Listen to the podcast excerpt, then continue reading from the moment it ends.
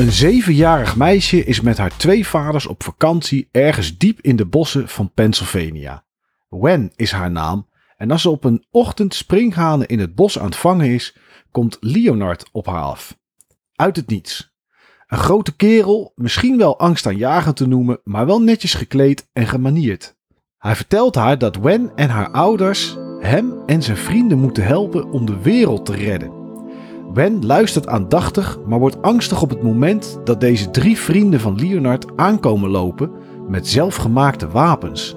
Ze rent naar binnen, vertelt haar vaders wat er gaande is en die besluiten om het houten hutje waar ze op vakantie zijn op slot te doen. Als Leonard uitlegt wat er aan de hand is, waarom zij daar zijn en dat ze de hulp nodig hebben van het gezin om het einde van de wereld tegen te gaan, begint de film vreemd en onheilspellend te worden. Want als het gezin hen niet helpt, moet de groep stappen ondernemen. De film is geschreven door M. Night Shyamalan.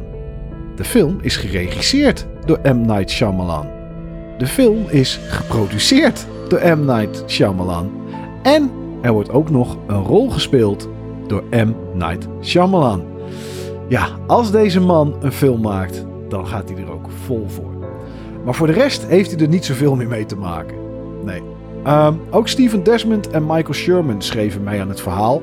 En in de hoofdrol zien we Dave Bautista als Leonard, Jonathan Groff als vader Eric en Ben Aldridge als vader Andrew. Rupert Grint, jawel, de roodharige jongen uit Harry Potter, speelt Redmond. Nikki Amuka Bird heeft de rol van Sabrina gekregen. En Abby Gwyn is de overprikkelde Adrian. En, niet te vergeten, Kristen Chu speelt de zevenjarige Wen. De film kostte naar schatting 20 miljoen om te maken en leverde wereldwijd 54 miljoen dollar op. In Nederland was de film voor het eerst te zien op 2 februari in de bioscoop van het jaar 2023. Zou jij ooit, Sven, met je gezin naar zo'n cabin op vakantie gaan, midden in de bossen, zonder ook maar iets, zonder stroom, helemaal niets? Zou jij dat doen, hé? Hmm, ja, lastig. Kijk, ik ben wel een zakker voor idyllische plekjes hoor. Dat En- is dit waar de film zich afspeelt. Absoluut. En ik ben ik ook wel eens geweest op idyllische plekjes in Nederland. Ja, dit heb je denk ik niet op die manier in Nederland. Misschien ergens midden op de Veluwe. Ehm, ja, kijk, weet je... ah, dat zou ik doen als ik deze film nog niet gezien had. Oké, oh toch wel, ja? ja, dat denk ik wel. Ik zou het wel Heeft- aandurven. Heeft zoiets dan impact op, eh, blijft dit bij jou, dit soort films? Nou, als dit een voorbode is van wat mogelijk kan gebeuren, dan eh, geef ik mijn portie wel aan Vicky. dan ga ik het niet opzoeken. Nee, nee, gekscherend, nee, natuurlijk niet. Maar ehm, ja, ehm, desolaat, afgesloten. ja. eh, dat is altijd wel een recept voor dit soort dingen in een film. Hè? En dat maakt het extra spannend en onheilspellend.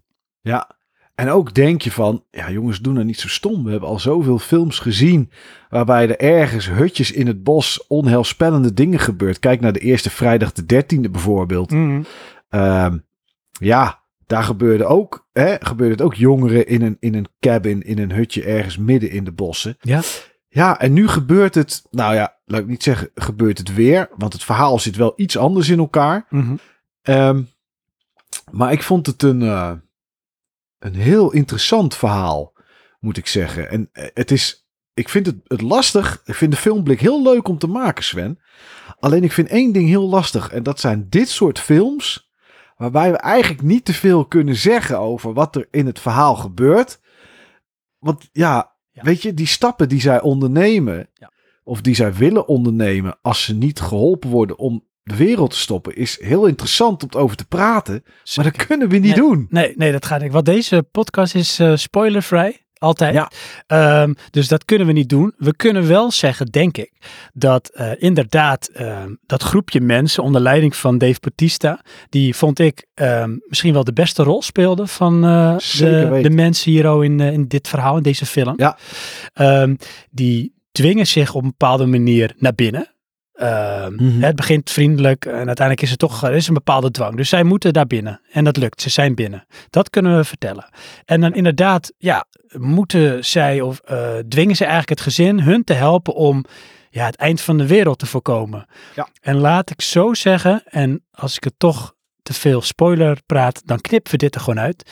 Ja. Er zitten maatregelen of gevolgen vast aan het niet helpen en assisteren van wat gevraagd wordt, maar niet op de manier zoals je denkt of verwacht.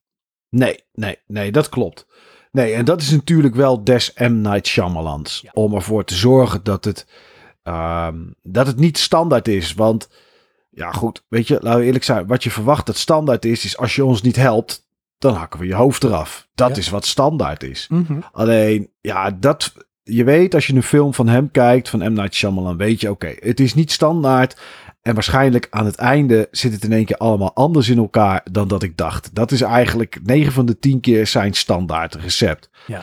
Ehm, wat ook best wel goed toepasbaar is op deze film. Eh, maar ja, je kijkt wel naar een gezin. Je kijkt naar twee vaders en een dochter. Nou, eh, het meisje is Aziatisch. De twee vaders, die zijn wit. Ja, dan weet je al, hier zit verhaal achter. Want die twee mannen hebben waarschijnlijk niet eh, op een of andere manier de geboorte ge- gezien van dit Aziatische meisje. Nee. En dat vind ik dan wel knap. Dat een film die 1 uur en 40 minuten duurt, dus relatief kort is voor een film van tegenwoordig, Mhm. zo'n goed achtergrondverhaal heeft van het stel, van de twee vaders, van het meisje en hoe ze geworden zijn, wie ze zijn. Je ziet een stukje backstory bijvoorbeeld over hoe een van de ouders hebben gereageerd op het samen zijn van deze twee mannen.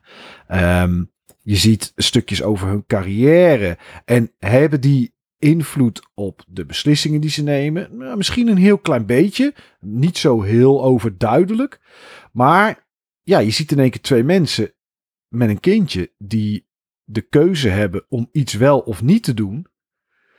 Ja, en dan is het toch wel prettig van oké, weet je, als deze mensen die keuze hebben, ja, waarom nemen ze die niet? Of wie, wie zijn deze mannen? Want ze hebben wel een belangrijke taak, Sven. Het einde van de wereld staat op het programma. Klopt. Ja, ik ehm, had mixed feelings bij deze film. Oké. Ehm M. Night Shyamalan is voor mij altijd wel een trigger van, oh, er is er weer één. Ik moet alleen zeggen, ik heb ze niet allemaal gezien. Ik heb Old heb ik niet gezien. Die heb ik wel gezien.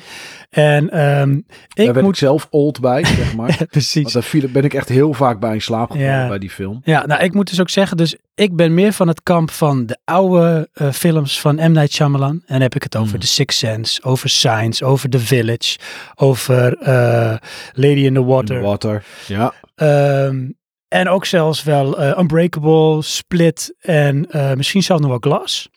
Oké. Ja, Glass, heb ik, Glass heb ik niet gezien. Ehm Unbreakable en Split wel. Al vond ik Unbreakable beter dan Split, moet ik zeggen. Ja, zeker hoor, absoluut. Maar dan had je natuurlijk ook eh, die film met eh, Marky Mark, eh, The Happening. Oh, The Happening. Ja, dat was echt een nou. totale flater. Nou vind ik dit geen flater, maar deze schuift voor mij iets eerder richting The Happening dan richting bijvoorbeeld The Village of Signs. En dat vind ik Hmm. jammer, want de basisingrediënten zijn er wel. Want wat je zegt, eh, er is goed nagedacht over backstory. Elk personage heeft wel iets. En ze hebben het niet zomaar omdat ze dat dan hebben. Nee, daar wordt ook wat mee gedaan. Alleen dan denk ik, en heb jij het over die 1 uur en 40 minuten. Had die film nou wat langer gemaakt en was daar iets anders of meer op doorgegaan?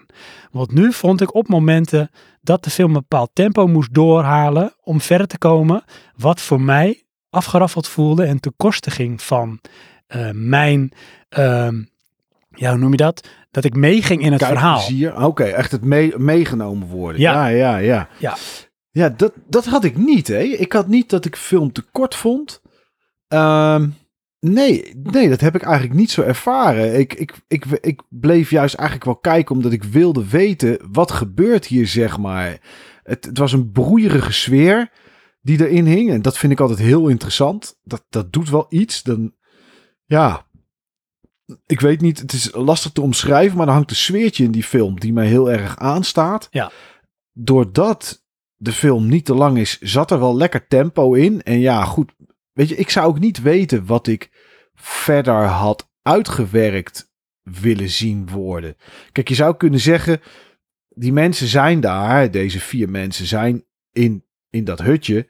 En die hebben allemaal het idee dat de wereld vergaat. Mhm. En zij, ja, hoe ze daaraan komen, wordt in de film uitgelegd.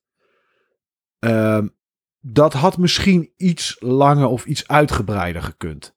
Dat er iets meer eh, gewicht zat aan hun beweegredenen om daar te zijn. Dat is het enige puntje waar ik dat bij had. Maar voor de rest, nee, voor de rest had ik dat eigenlijk helemaal niet, joh. Nee, oké. Je, heb je een voorbeeld van zoiets dat je denkt van, ja, weet je, dit had dan voor mij wel iets beter uitgewerkt mogen worden? Ja, het is een beetje ehm, het, de, de beweegredenen van eh, de vaders.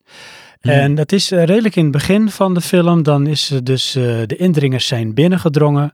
Er is een kleine schermutseling en daarmee stoot vader Eric, Jonathan Groff, die stoot zijn hoofd. Die raakt geblesseerd, gewond. Nou, daar, eh, hij overleeft dat, dus hij komt weer bij. En eh, dan zegt hij al heel snel later in de film dat er is een moment vlak daarna dat hij iets ziet. Wat hij niet Ja. kan verklaren. Maar dat zet Mhm. hem aan het twijfelen. Nou, aan de ene kant vond ik het heel interessant. Want hey, dit kan een ingang zijn voor iets wat eh, speelt bij die mensen die binnen zijn gedrongen. Ga ik niks voor de rest over verklappen. Ehm, maar daar wordt voor de rest dan niet zo heel veel mee gedaan. Anders dan dat op het einde van de film daar nog even een keer naar gerefereerd wordt. Ja. En that's it. En dan denk ik van ja, oké, kan. had maar dan ik vond niet erin gestopt? ja, ik vond het een beetje Ja. makkelijk. En ehm, dat vond ik dus bij ja, beweegredenen waarom dingen dan wel of niet gebeuren. Nogmaals, daar moet je dan de film verder voor kijken. Ehm, wat ik aan de andere kant wel heel interessant vind, en dat is altijd bij M. Night Shyamalan. Je weet nooit echt wat je krijgt. Het gaat hier over mensen die denken dat de wereld vergaat. En er zijn tekenen van een apocalyps. En Ja. dan kunnen we zeggen, dat zie je op een gegeven moment ook. Alleen Mhm. dan is het aan jou als kijker van, is dit nou echt zo? Of denken we dat het zo is? Dus is het een soort Ja. self-fulfilling prophecy? Vullen we dit nou in? Of gaat het plaatsvinden? Of dat zo is, want het kan met hem altijd alle kanten op gaan. Dat zie je als je de film uiteindelijk helemaal gekeken hebt. En dat vond ik dan voor mij, was dat de, hoek om te blijven Ja. kijken. Dat wilde ik weten. Ja, ja, dat wilde ik ook weten. Ehm, Maar dat vind ik dus aan de andere kant dus ook jammer. Want dat vind ik goedkoop. Want dan weet je eigenlijk al dat ehm, de, niet de clue, maar zeg maar eh, de, de hoek dus om jou vast te houden, is dat gegeven en dat alleen. Kijk, en neem even een film als The Sixth Sense. Voor de mensen die die nog nooit gezien hebben, ik zal hem dan ook niet proberen te spoilen, maar er is iets en dat weet je pas echt op het laatst, maar er is niks dat hint dat je dat eerder kan weten. En dat vind Nee. ik hier dus wel. Want hier is het gewoon stuivertje wisselen, is het wel of niet zo? Hmm. Ja, hij, dat is. Hij is wel makkelijk. Ja. Ja, hij is makkelijk. De film. ehm, dat, dat moet ik je daar. Dat ben ik wel met je eens. Ja, ja. En wat ik daar dan ook aan toe wil voegen is dat het einde. vond ik een beetje. meh. Ja. Het is, kijk, en dat, is een, dat heeft hij zelf ooit gedaan, hè? Met Six Sense, met Unbreakable, eh Science, The Village. Signs, ja, The Village. Er zit aan het einde zit daar een, een twist aan. Mhm. En je kan het ook niet loslaten, want ik weet zeker, als ik deze trailer nu aanzet van Knock at the Cabin, staat er ongetwijfeld weer from the, from the creator of the Sixth Sense. Tuurlijk. Want ja, dat was zo'n grote hit. Ja, ehm, dus er wordt ook door, ja, door de filmmakers zelf natuurlijk elke keer aan gerefereerd. Alleen, ja, die belofte die daar dan in zo'n trailer, of, en ook al kijk je de trailer niet zoals jij Sven, je weet toch, hij is het. Mhm. Ja. Er wordt, door zijn naam wordt er een soort belofte gedaan. En misschien dat we daarom ook wel met te hoge verwachtingen zo'n film ingaan. Ja. Ondanks dat de vorige, zoals Old bijvoorbeeld, best wel tegenviel. Ja, nou en dat is het dus. Dan gaan we misschien voorbij aan deze film alleen. Misschien is M. Night Shyamalan wel niet zo'n hele goede filmmaker. Maar heeft hij gewoon een paar goede films gemaakt. Die waren zo goed. Die werden zo goed ontvangen in een tijd en op het moment dat het gewoon helemaal klopte. Hè, weer maar over The Sixth Sense, eh, Signs, Unbreakable, The Village. Dat alles wat daarna komt, ga je eh, meten aan die films. En wat mij betreft is hij daar nooit meer aangekomen. Nee. En dan is ook op een gegeven moment het M. Night Shyamalan effect is weg. Want dit kun je ook maar zo vaak doen. Ja, nee, dat is ook zo. Ik bedoel, je verwacht dat er iets gaat gebeuren. En dat verwachten wij nu eigenlijk ook natuurlijk. Ja. Ehm, daar hebben we Ja. het niet eens trouwens over Airbender en After Earth. nee, maar dat gaan we ook niet doen, joh. Oh. Eh, de enige die ik nog wel een keer wil kijken van M. Night Shyamalan, die, die heb ik staan, maar die heb ik nog nooit gekeken, is The Visit. Over een jong, Ja. twee een jongen en een meisje die bij ineens hun gevonden opa en oma, zeg maar, op, Ja. eh, op bezoek gaan. Die heb ik gezien. Die kwam bij mij weer meer in de buurt richting zijn oudere werk. Oké. Hey Sven, stel dat jij toch naar die cabin op vakantie zou gaan, hè? Met je zoontje en je dochter en je vrouw. En eh, Leonard staat daar ineens binnen. Ja. En die heeft bewijs dat het einde van de wereld eraan komt. Wat ga jij doen? Ga jij hem helpen? Of ik hem ga helpen? Nee. Ja. Nee, het is mijn gezin Nee? voor en mijn gezin na. Oké, oké. Dus jij Ik kan zou... eh, eh, Leonard lekker in zijn reet steken. Nee, dat gaat niet gebeuren. Oké, dus jij zou wel... eh, jij zou, ja, bij jou zou de film zich net zo afspelen, zeg maar, als dat het hier gebeurd is. Ja, in ieder geval zoals het in ieder geval in het begin lijkt dat het eh, die kant op gaat. Kijk, de eerste reactie, ah, is bij jou ook zo toch? Je eerste Tuurlijk. reactie is toch van, ja, screw you. Ja, Weet je? Ik, ik ga geloof echt, niet eh, in het eind van de wereld. nee. Ineens. Nee. Nee. Nee. Dat, is, dat is wel zo. Maar even een vraag terug aan jou dan. Ja. En stel dan dat de film die vordert en dan gebeuren dan toch dingen. En dan zie jij dingen en dan ga jij toch twijfelen. Hmm. Wat zou je dan doen?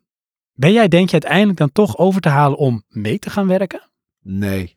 Ik zou pas meewerken aan de plannen van deze vier mensen. op het moment dat. Ehm, ja, dat kan ik niet zeggen, want dan ga ik iets spoilen. Nee, ja, je kan ik niet? zeggen. Nee. Nou, maakt niet uit of dat hier is, maar eh, of dat hierom gaat. Maar ik zou pas rare stappen gaan ondernemen, wat het ook is, als het mijn gezin in gevaar zou brengen. Ik snap het. Als ik dat zou kunnen, eh, kunnen afwenden, Ja. dan zou ik misschien wel bereid zijn om rare of vreemde dingen te doen. Ja. Maar eh, tot die tijd, eh, ja, zoek het uit, mij niet bellen. Wat zijn we toch heerlijk cryptisch. Dit is wel leuk, denk ik, voor de luisteraars. Hier mag je het mee doen, luisteraar. Ja, wat ik wel, en dat zie je wel altijd in films van M. Night Shyamalan, en soms is het schaars, soms is het wat meer. Er zitten soms wel, en daar, eh, daar kan ik dan echt van genieten, hele toffe camera shots in. Ja. En er is er eentje en die is me echt bijgebleven. En dat is, eh Wen is het zevenjarige meisje, is de dochter, die, eh, die loopt door de kelder. En wat er dan gebeurt, is dat zij gefilmd wordt. Niet in de kelder, niet als ze door de kelder heen loopt, maar de vloer daarboven. En die camera, die volgt haar, ondanks dat je er niet ziet, want je ziet alleen de houten vloer. Maar er staan wel mensen boven. En die zijn aan het praten. En die camera beweegt zich dan zo langs die benen. En die volgt haar, hoe ze dan zo loopt in die kelder. Dat zijn van die kleine dingetjes dat ik toch denk, hier doet hij toch wel weer even iets extra's. Ja. Even iets bijzonders. Ja. Dat is een mooie trouwens. Ja, zeker. Dat is echt een goed shot. Dat was echt. eh, en zo zitten er nog wel een, een twee of drie van dat soort dingetjes in. Maar als dat de dingen zijn waardoor je naar een M. Night Shyamalan film wil kijken, ja, dan zitten ze erin. Ze zijn zeldzaam, maar dit soort dingen die zitten er wel in. Ja.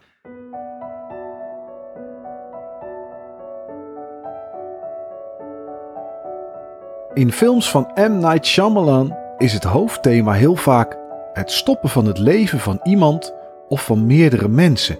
Misschien van een dorp, misschien van mensen op een strand of misschien wel van de hele wereld. En dat is het geval in Knock at the Cabin.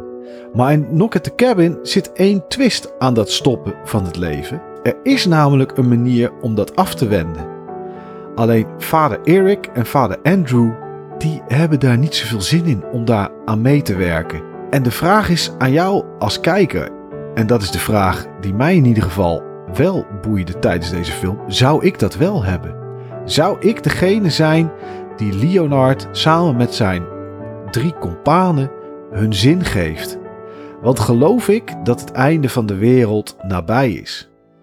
En als je deze vraag in je achterhoofd houdt, terwijl je kijkt naar een broeierig klein hutje ergens in het midden van Pennsylvania, hoe men daar van vakantie vieren in één keer in een persoonlijke hel terechtkomt, dan is het misschien wel de moeite waard om Knock at the Cabin eens een keer te bekijken.